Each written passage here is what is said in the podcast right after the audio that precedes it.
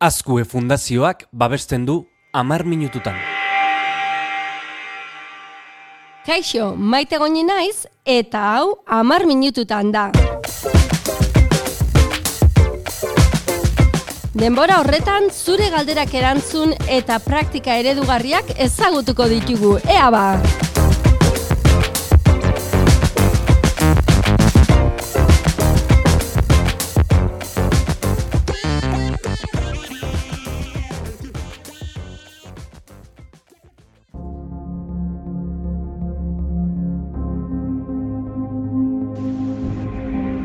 Kaixo maite, Beira, DBH lauko irakasle bat naiz, eta maia ezberdinetan eman izan ditut eskolak, eta iruditzen zait azken urteetan ba ikasleek zailtasun gehiago dituztela ba mezuak behar bezala komunikatzeko. Adibidez, aurkezpen bat egiten ari direnean, ba lurrera behiratzen e, pasatzen dute aurkezpena edo begiratuta edo dena buruz esan da, orduan ba oso aspergarriak egiten dira gelaurko aurkezpen hauek.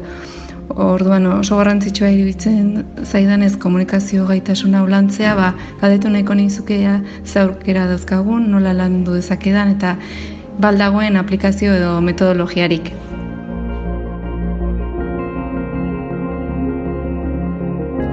Ba, eskarrik asko, e, irakasleari plazaratzeagatik e, galdera hori, ez? Egi esateko komunikazio gaitasuna irakasle guztiok dakigu oso oso garrantzitsua da eta heldu bertzaio txikitatik. E, gero eta garrantzitsuagoa dela esango nuke gainera, ez? Eta horren e, lekuko da marko ezberdinetan jasota dagoela, adibidez e, eziberrin e, garrantzi berezia ematen zaio komunikazioari, hizkuntza ezberdinetan, euskaraz, gaztelania, ingelesez eta maila ezberdinetan, bai, eta modalitate ezberdinak erabiliz, ez? Ahozkoa, idatzizkoa, mm, modu digitalean ematen dan komunikazio hori eta e, beste iaz ere aipatu genuen bezala, komunikazio edo kompetentzia digitalaren markoan, Europako markoan ere, alor oso bat, bost ataletatik, bat osorik komunikazioari eskaintzen zaio, komunikazio eta lankidetzari.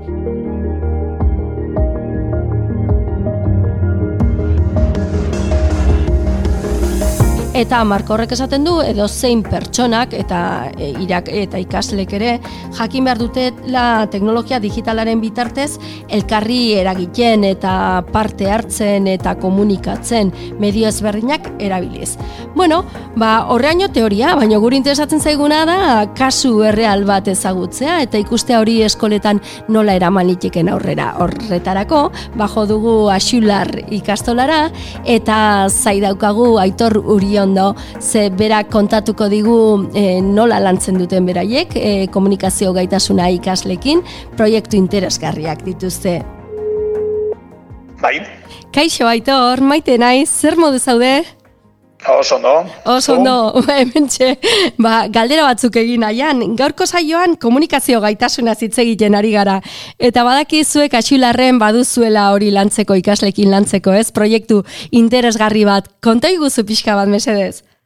Bueno, azken finean komunikazio kompetentzia edo, edo bintzat eh, irakaskuntza munduan eta gizartean bere zain garrantzitsua den kompetentzia horri erantzun bat emateko, ba, bueno, ba, e, proiektu bat baino gehiago, ba, nola bai nahiko txertatua badegu gure ikasle bakoitzaren ibilbide hortan, ez? Eta batetik, ba, beti bere izan dugu, ba, bueno, kompetentzia horren barrun, e, irudi arloa edo, bueno, irudien bitartez ere, ba, nola baita e, komunikazio hori edo adirazi nahi duten hori ere, ba, komunikatzeko era bezala, ba, visual thinking bezalako, ba, ba, bueno, ba, tresnak eta nolaiteko metodologi batzuk ere, erabili izan ditugu eta erabiltzen ditugu bai modu analogikoan eta baita ere digitalean, eh?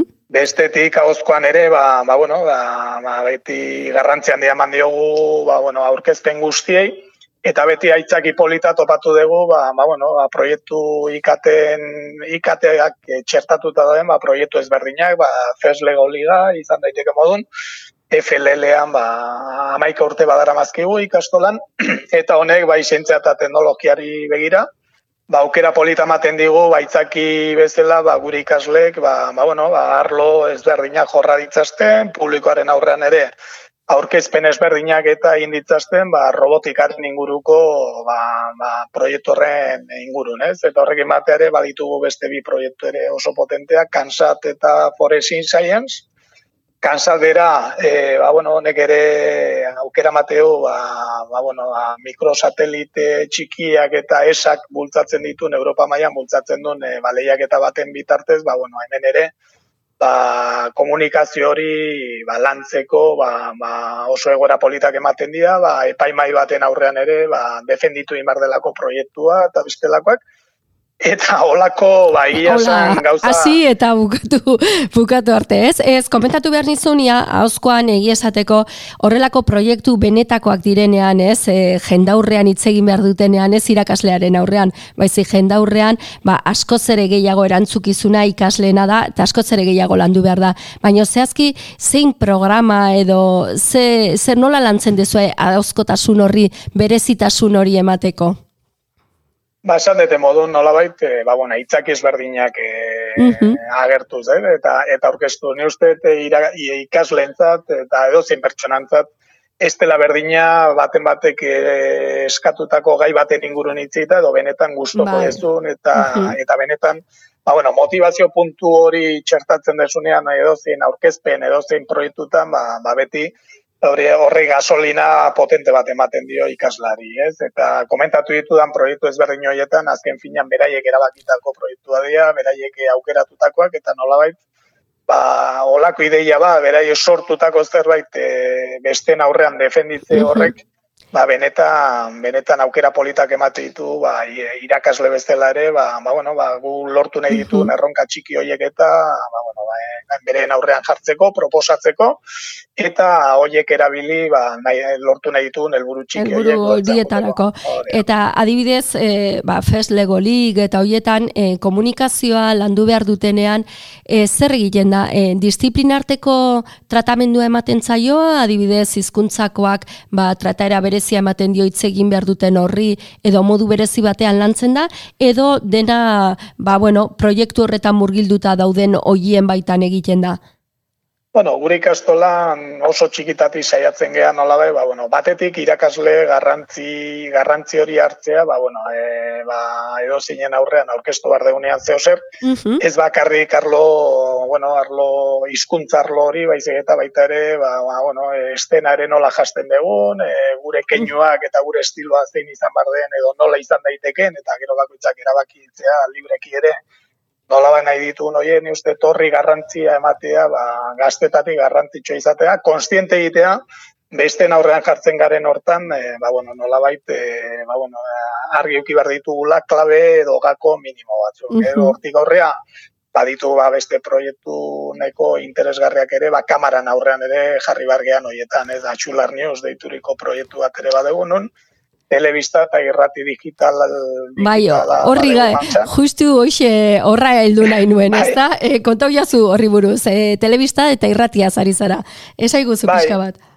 Bueno, horre bere garaian eukien un, e, bueno, modu analogikoan da paperean e, egiten genuen egunkari aldizkari bat, eta, bueno, e, saiatu geana, eta purka-purka pilotak hortan gabitza, eta gauza, eta produktu oso interesgarria sortzen, Ba, bueno, ba, bai mikrofono baten aurrean edo baita ere da, kamera baten aurrean guri ikasla jartzen dienean, ba, ba horrekin jolasean ibiltzen gea, ba, ba bueno, gaiko e, bai ge, ikastola barrun gertatzen dien, e, ba, bueno, e, gauza hoien ingurun, ba, ba nolaiteko programa txiki batzuk, grabaketa txiki batzuk eta eta hoiek gero erabile egiten ditu ba ikasleekin batera, ba mera ingurua ikusteko, e, lehen esan ditudan arlo hoiek kontutan izan eta zuzenketa txikiak eta egiteko. Eta horrekin batea blog ezberdinak ere erabiltzen ditugu, ba ditugun proiektu guzti hauek ere idatzi argazkien bitartez eta bar -hmm. ba, nola eh, bai familiei eta bai ba, bueno, gure ikastolako komunidadari ba, asaltzeko, agertzeko eta aurkezteko. Mm. Axular News e, horretako ba, berriak edo ematen dituzuen emanaldiak eta hori gurasoek eta ikustitzakete guain e, blogaren eta hori bai ulertu dizute, baina beste ba, telebista tankerako hori edo irratiko hori emanaldi hori e, erre, benetakoa da publikoa edo... Bueno, berez gure web horriko, ba, bueno, orte atal baten badegu bloga zintzilikatuta, eta blog hortan bertan e, zintzilikatzen Ah. ditu bai podcastak, e, Mhm. batetik, grabaketak, eta bestetik ere, ba, bueno, e, grabaketa, bideo grabaketak, egia da oraindik ere, bueno, e, ia zasi ginela purka-purka, eta, eta hor e, froga ezberdinak egiten ari orain plato txiki bat ere sortzen Ah, ari polita. eta, Bai, bai, eta, bueno, ba, gu ere apurka-apurka ikasten goaz, baino argi ikusten dugu, ba, bueno, bi- bide hau dela, ba, beneta, benetazko komunikazio arlo Hori da. hori benetan lantzeko, eh? askotan, e, arlo teorikotik e, begiratzea olako kompetentzia bati ez da benetan erreala izaten, Bai. eh? benetan praktikara eraman behar da, mikrofonoen aurrean jarri behar da. ditugu, e, Ondo landu behar da gidoia, Kamaran aurrean, hori da, gidoia ondo nola- landu.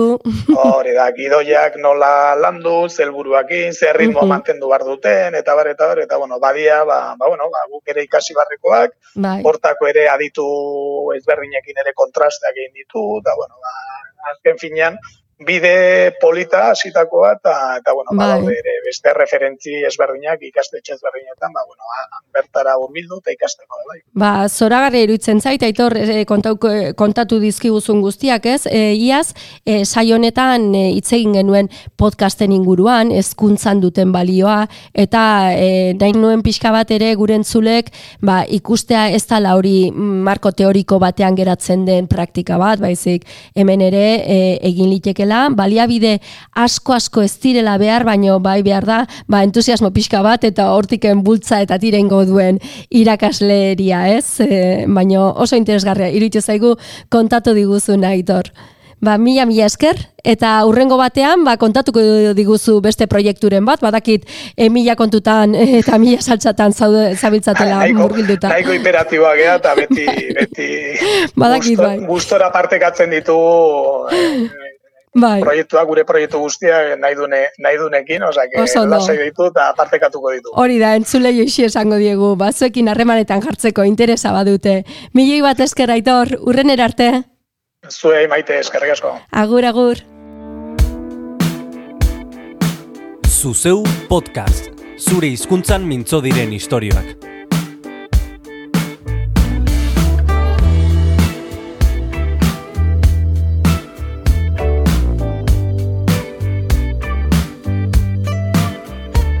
Gauza oso interesgarriak kontatu dizkigu aitorrek, ez? Egi esateko irakasle zaretenok badakizue, ba, e, irratia egitea eta telebistea egitea eskola batean, ba ez dala gaurko kontua, beti danik egin izan ditugula.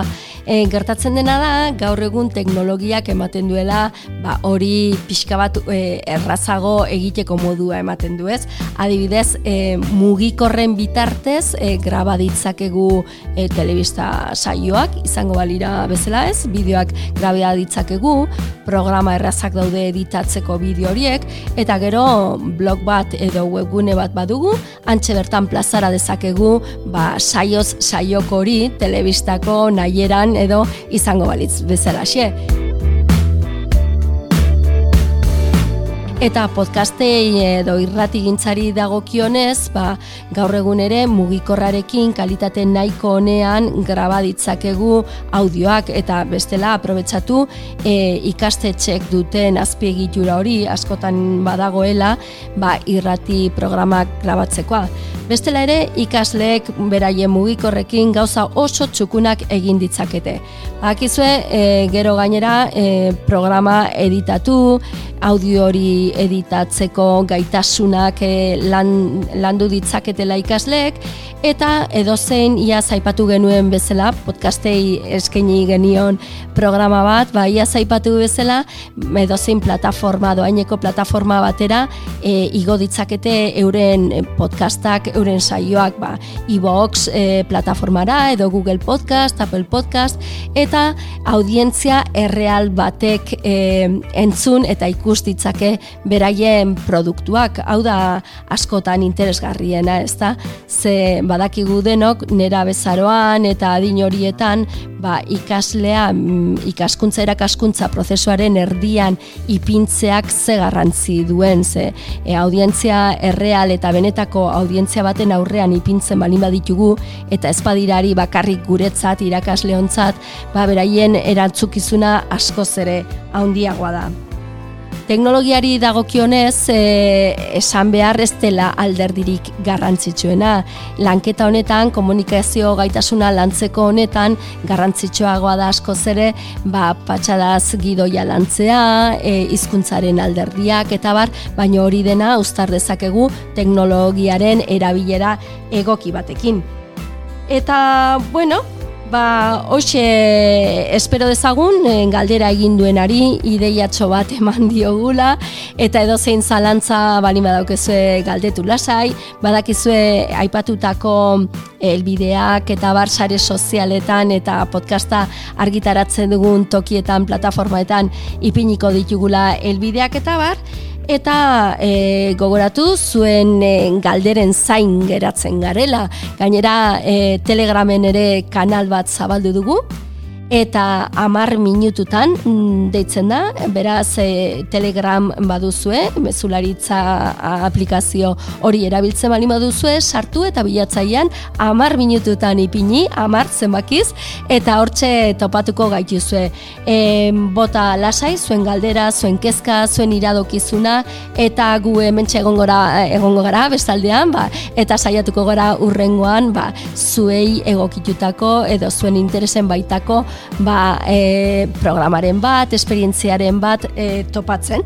Ba, hausi izan da guztia, ondo ondo segi eta aurren erarte.